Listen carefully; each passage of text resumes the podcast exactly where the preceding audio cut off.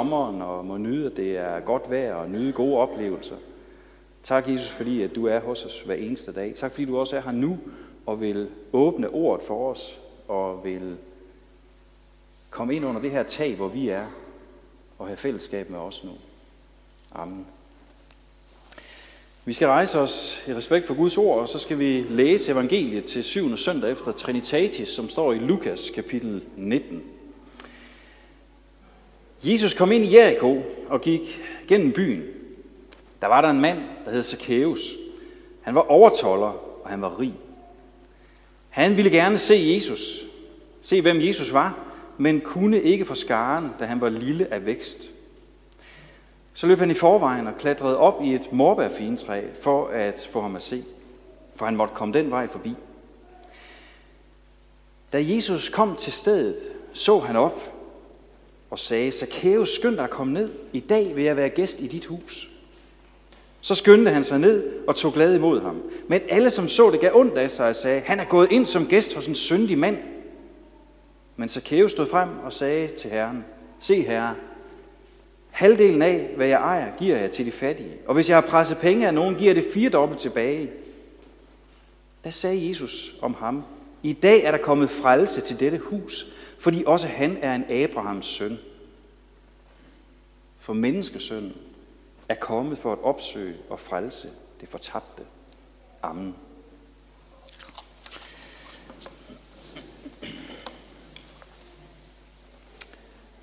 Hvad sker der med et menneske, når det lærer Jesus at kende og bliver frelst? Hvilken frugt sætter frelsen og Guds tilgivelse i vores liv? Det synes jeg er et enormt interessant spørgsmål. Og jeg tror godt, jeg kan sige, at jeg har set nogle eksempler på, hvor stor forandring der kan ske, når nogen bliver kristne. Jeg kender for eksempel en i Arequipa i Peru, der hedder José Antonio. For han var 17 år gammel, så levede han det hårde liv med diskoteker og druk og alt muligt. For at få råd til det her dyre liv, så begyndte han også at stjæle. Han var i et meget hårdt miljø. Og en gang var han tæt på at blive stukket ned, fordi han rodede sig ud i noget ballade på sådan en diskotek. Han beskriver sig selv sådan over for mig som alkoholiker i en alder af 19 år. Og da han var 21, så var han en berygtet bandeleder i nabolaget. Nu gik han ikke til fester. Nu var det ham, der arrangerede det. Det var ham, der lokkede mindreårige i fordærv. Han var populær, han var hård, han var en, man så op til. Han gik godt klædt, og han havde de kærester, han ville. Men José, han følte sig tom indeni. Og han fortæller faktisk, at han ofte var bange, når han var alene. Og der en gang, der var en pige, han var forelsket i, som afslog ham. Så blev alt fuldstændig meningsløst for ham. Så kunne alt være lige meget. Han fik sig en anden kæreste. Og så bestemte han sig for, at han ville lege hende ud til prostitution. Han planlagde også at slå sin storebror ihjel. Alt kunne være lige meget. Han var ikke ligefrem typen, man forventede at se i kirken. Selvom han rent faktisk godt kendte til kirken fra sin mor og sin familie. Men så fortæller han, at en eller anden dag, midt i alt det her helvede på jord, så gik han alligevel hen i kirken. Han, han kan ikke helt forklare, hvorfor og hvordan. Han siger selv, at det er sådan lidt, det var næsten som i en trance, siger han. Og hvad sker der så der? I stedet for, at der stod en masse sure mennesker, ligesom der gjorde, da Jesus han gik ind til Zacchaeus, så var der en præst, der lagde armen om ham. I stedet for at fordømme ham, så tog han godt imod ham. Og i løbet af kort tid, så fik han arrangeret, at José Antonio han kunne komme på bibelskole i nogle uger.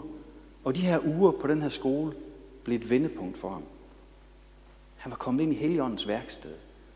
Og når Helligånden får lov til at høvle og save og sætte tingene sammen, så sker der noget. Han mødte Guds ubegribelige noget og fandt ud af, at Guds tilgivelse, den galt faktisk også ham. På trods af alt det, han havde været igennem, på trods af alt det, han havde gjort. Og da han så vendte tilbage efter de her uger på bibelskole, så forsøgte han at overbevise sine gamle venner i miljøet der, om hvor godt det er at tilhøre Jesus, og om at det skulle de også gøre. Men de ville jo ikke høre på ham. I stedet så begyndte han at hjælpe til i kirken. Bare det at feje gulvet, det var en kæmpe stor glæde for ham. Fordi han kunne få lov til at vise noget af sin taknemmelighed. Og han blev en trofast medhjælper i kirken. Han studerede mere på bibelskolen, og han fik også mulighed for at læse tre år på det teologiske seminarium. Fordi nu havde han fået et nyt mål i sit liv. Han havde fået en ny mission at udføre.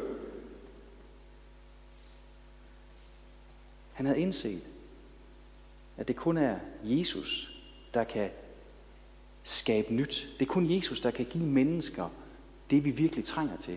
Det er kun Jesus, der kan give mennesker noget og tilgivelse. Det er det, vi sådan længes efter. Og det ønskede han at give videre.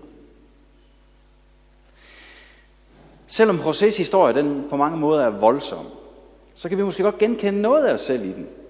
Måske har vi selv haft sådan et før- og efterliv. Muligvis ikke helt så radikalt, men dog alligevel et liv, hvor vi ikke kunne finde mening og glæde, hvor vi forsøgte at drukne den her larmende tomhed i andre ting. Måske var vi engang som Zacchaeus, der også var ude for en stor forandring.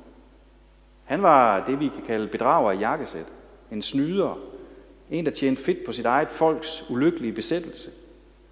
Han var hadet og foragtet for at være en stikker, en tyveknægt.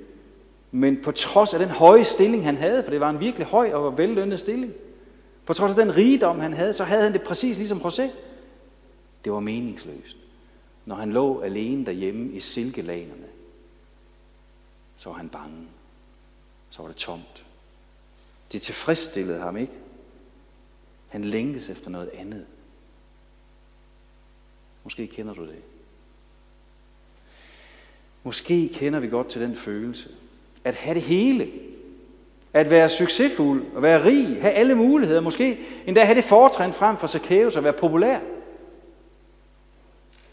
Men alt det her, det mætter ikke hjertet. Det gør ikke vores sind roligt. Man siger, både Zacchaeus og José Antonio, de fik lov til at møde det, der virkelig giver fred, det der virkelig mætter, nemlig Jesu kærlighed. Guds kærlighed i Jesus. Og det førte til store forandringer i deres liv. Guds nåde og tilgivelse bare frugt i deres liv, sådan at de ændrede livsstil, de ændrede opførsel, de ændrede sind og tanker. Så de begyndte at handle og tjene og give i overensstemmelse med Guds godhed imod dem. Og når alt det her dramatiske, som vi måske kan have svært ved at identificere os med, det er skraldet af, så er det netop frugten af frelsen, vi kan identificere os med, og som vi også kan kende fra os selv. Den er nemlig ikke afhængig af, hvor radikal en forandring der sker i vores liv, men af at vi ligesom Zacchaeus og José Antonio har lært Guds kærlighed at kende, har lært tilgivelsen at kende som noget, der gælder for en sønder som mig. Så hvad sker der med et menneske, når det lærer Jesus at kende og bliver frelst? Hvad sker der med os, når Jesus gæster en sønders hus og viser noget mod den, der er uværdig, den, der er udskilt, den, der er syndig? Så den store forandring, den sker, når vi erkender, at vi har brug for Jesus. Når vi erkender, at det vi ellers forsøger at fylde i vores liv, det holder ikke. Når vi erkender, at i os selv, så står vi os aldrig over for Gud. Vi har brug for Jesus. Det er der i den store forandring ligger. Det er der i den begynder. Den store forandring, den sker, når vi klatrer ned fra vores træ.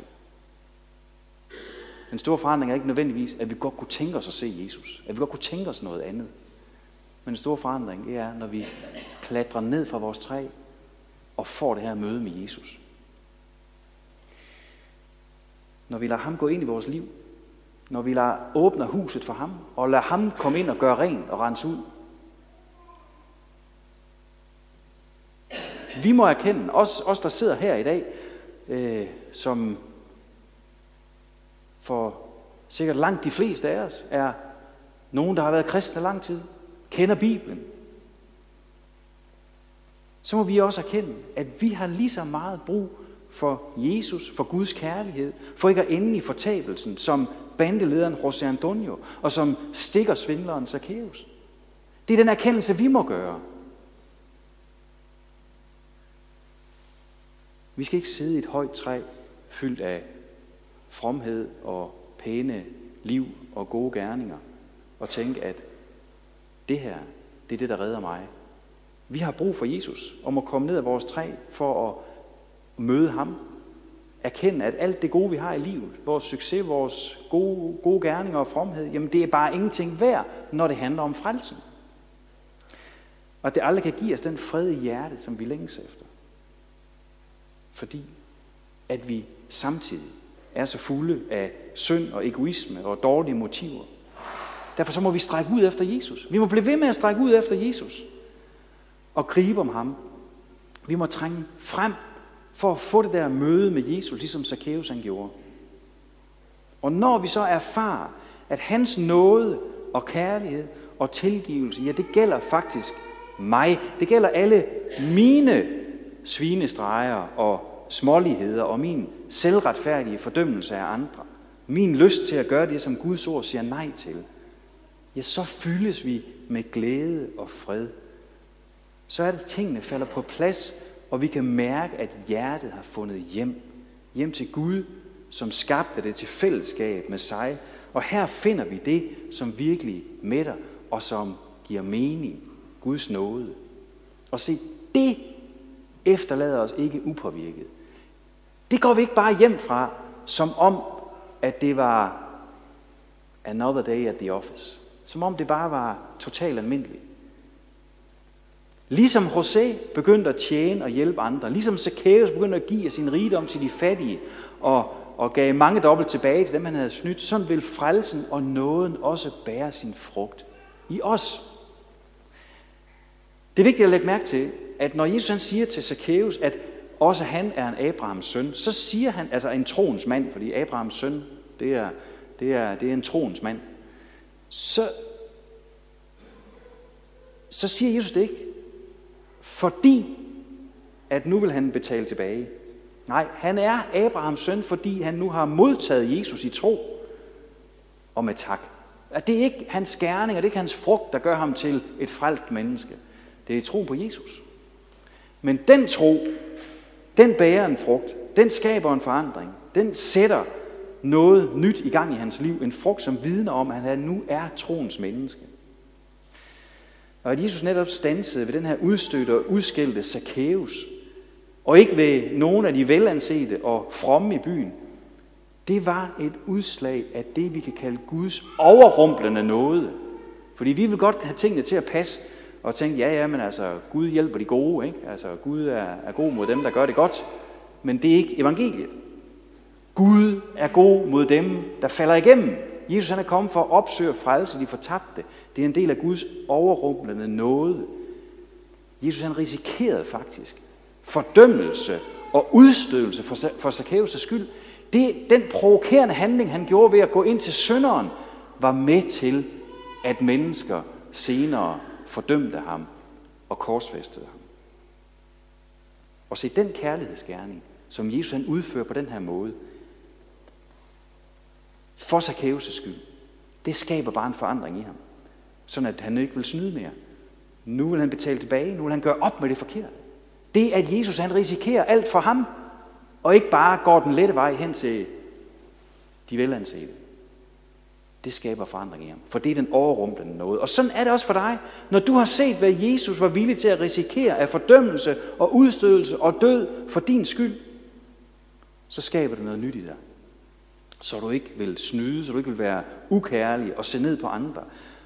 Sådan er det, når det for alvor går op for dig, hvad Jesus har risikeret for at vise dig sin uventede og overrumplende og ufortjente kærlighed. Det bringer forandring. Det bringer nye værdier. Det farver vores fællesskab med hinanden. Fordi vi ved, at ingen af os fortjener Guds nåde. Ingen af os er bedre end andre. Og alligevel, på trods af dem vi er, så går Jesus ind under vores tag. Så går han ind under dit tag.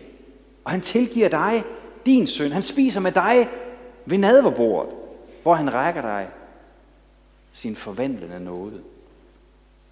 Vi bliver ikke frelst ved at gøre godt, men netop fordi Jesus har frelst os, og bliver ved med at vise ufortjent og overstrømmende noget, så forandrer det vores sind, så forandrer det vores tanker, så forandrer det vores måde at være på over for andre. Det giver lyst og motivation til at gøre Guds vilje. Frelsen bærer altså sin frugt i os. Så hvis du nu sammenligner dig med José Antonio med Zacchaeus, så ser din forvandling måske ikke ud af ret meget. Og det kan godt sådan se lidt trivielt ud måske. Men hvis du i stedet for ser på Jesus, så går det op for dig. Så ser du på, hvad han har offret for at tilgive dig. At han offrede alt. Så se på ham, fordyb dig evangeliet og i Jesu gerning, fordi det vil fylde dig igen og igen med tak og glæde over alt det, han har gjort for at frelse lige præcis dig. Det var det møde med Jesus og hans nåde, der forandrede både Zacchaeus og José Antonio, som satte frugt i deres liv. Og det vil det også gøre i dit liv. Så prøv at tænke efter nu, hvordan du så kan give udtryk for den glæde og taknemmelighed. Hvordan kan du skabe rum for den her frugt?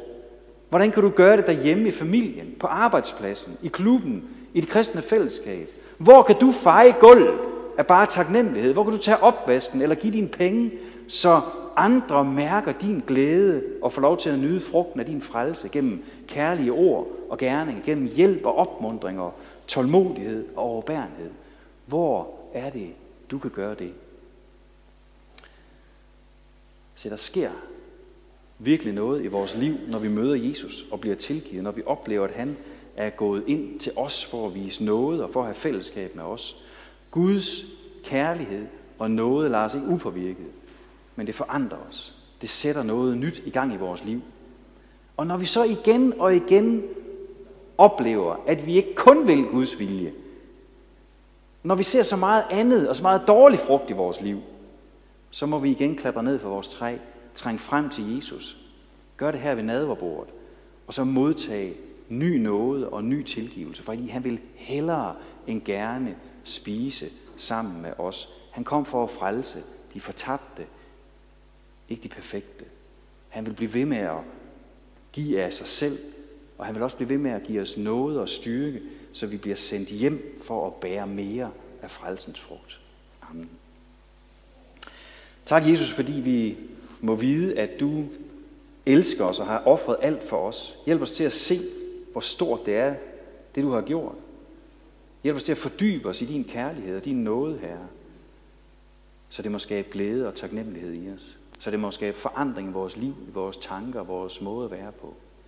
Herre, vil du selv bære frugten i vores liv? Vil du selv sætte den frugt, så andre mennesker må få glæde og gavn af det? Amen.